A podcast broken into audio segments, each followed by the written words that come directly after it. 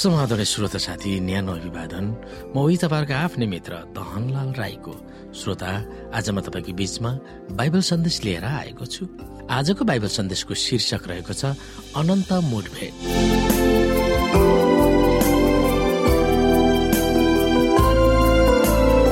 श्रोता साथी आजको अध्ययन एक कोरन्थी पन्ध्र अध्यायको एकाउन्नबाट यहाँ पावलले के रहस्यको बारेमा चर्चा गर्छन् त्यो कुरा हामी हेर्न सक्छौँ।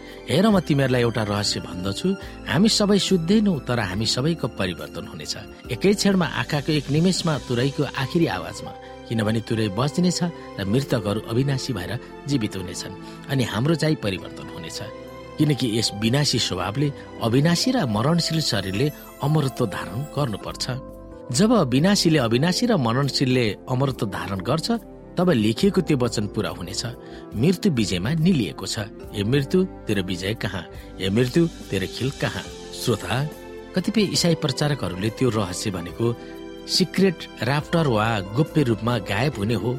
जब यसुको दोस्रो आगमन भन्दा सात वर्ष पहिले विश्वासीहरू गोप्य रूपमा स्वर्गमा जानेछन्। यसुमा आस्थावान इसाईहरू चुपचाप कसैले थाहा नै नपाइकन खुरुक्क तानेर लैजान्छन्। अरू सबैजना तिनीहरू कहाँ गए र तिनीहरूलाई के भयो भनेर अचम्म मानेर बस्दछन्।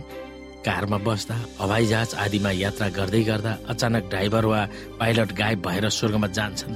तर तिनीहरूको वस्त्र चाहिँ जहाँका त्यहीँ एकजना इसाई लेखकले यसबारे सोह्रवटा पुस्तकहरू लेखेका छन्। ती पुस्तक लेफ्ट बिहाइन्ड श्रृङ्खला अत्यन्तै लोकप्रिय पनि छन् तर ती र ती पुस्तकहरूका आधारमा चारवटा फिल्म पनि बनाएका छन्। यसबाट लाखौं मानिसहरू गलत शिक्षामा झुमिएका छन्। बाइबलले यस्ता गलत शिक्षालाई अनुमोदन कहीँ पनि गरिएको छैन। गोप्य रूपमा केही स्वर्ग जाने भनेर कृत्रिम शिक्षा र दोस्रो आगमनको बीचमा तालमेल भएको बाइबलमा पाइँदैन। बाइबलले रहस्य भन्नुको अर्थ जीवित धर्मीहरूको रूप परिवर्तन भएर मरेकाहरू पुनरुत्थान हुने धर्मीहरूसँग यसुको आगमनमा मिल्ने चर्चा गरेका थिए। यो माथि लैजाने प्रक्रिया हो।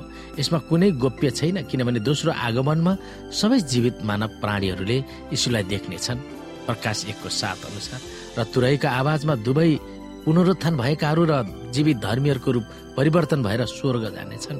यसुको आगमनमा अत्यन्तै अचम्मको मिटभेट हुनेछ। जीवित धर्मीहरू आँखाको निमेषमा परिवर्तन हुनेछन्। परमेश्वरको आवाजले तिनीहरू महिमित हुनेछ। अब तिनीहरूले अमर जीवन पाउनेछन् र पुनरुत्थान भएका सन्तहरूसँगै प्रभुलाई आकाशमा भेट्नेछन्। त्यस बेला आफ्ना स्वर्गदूतहरूलाई तुरैको ठुलो आवाजको साथ पठाउनेछ र तिनीहरूले आकाशको एक छेउदेखि अर्को छेउसम्म चारै दिशाबाट उसका चुनिएकाहरूलाई भेला गर्नेछन्।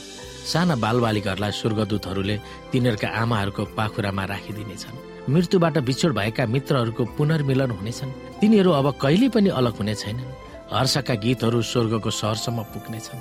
यो अत्यन्तै अचम्मलाग्दो प्रतिज्ञा हो। यस्तो अनुभव कसैले पनि कहीँ पनि गरिएको छैन।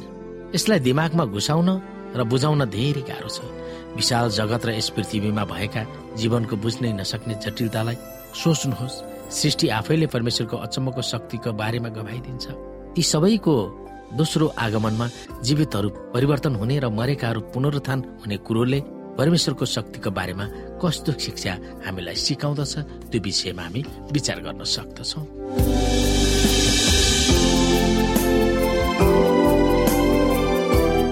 श्रोता साथी आजको लागि बाइबल सन्देश यति नै। हस्त नमस्ते जय मसिंह।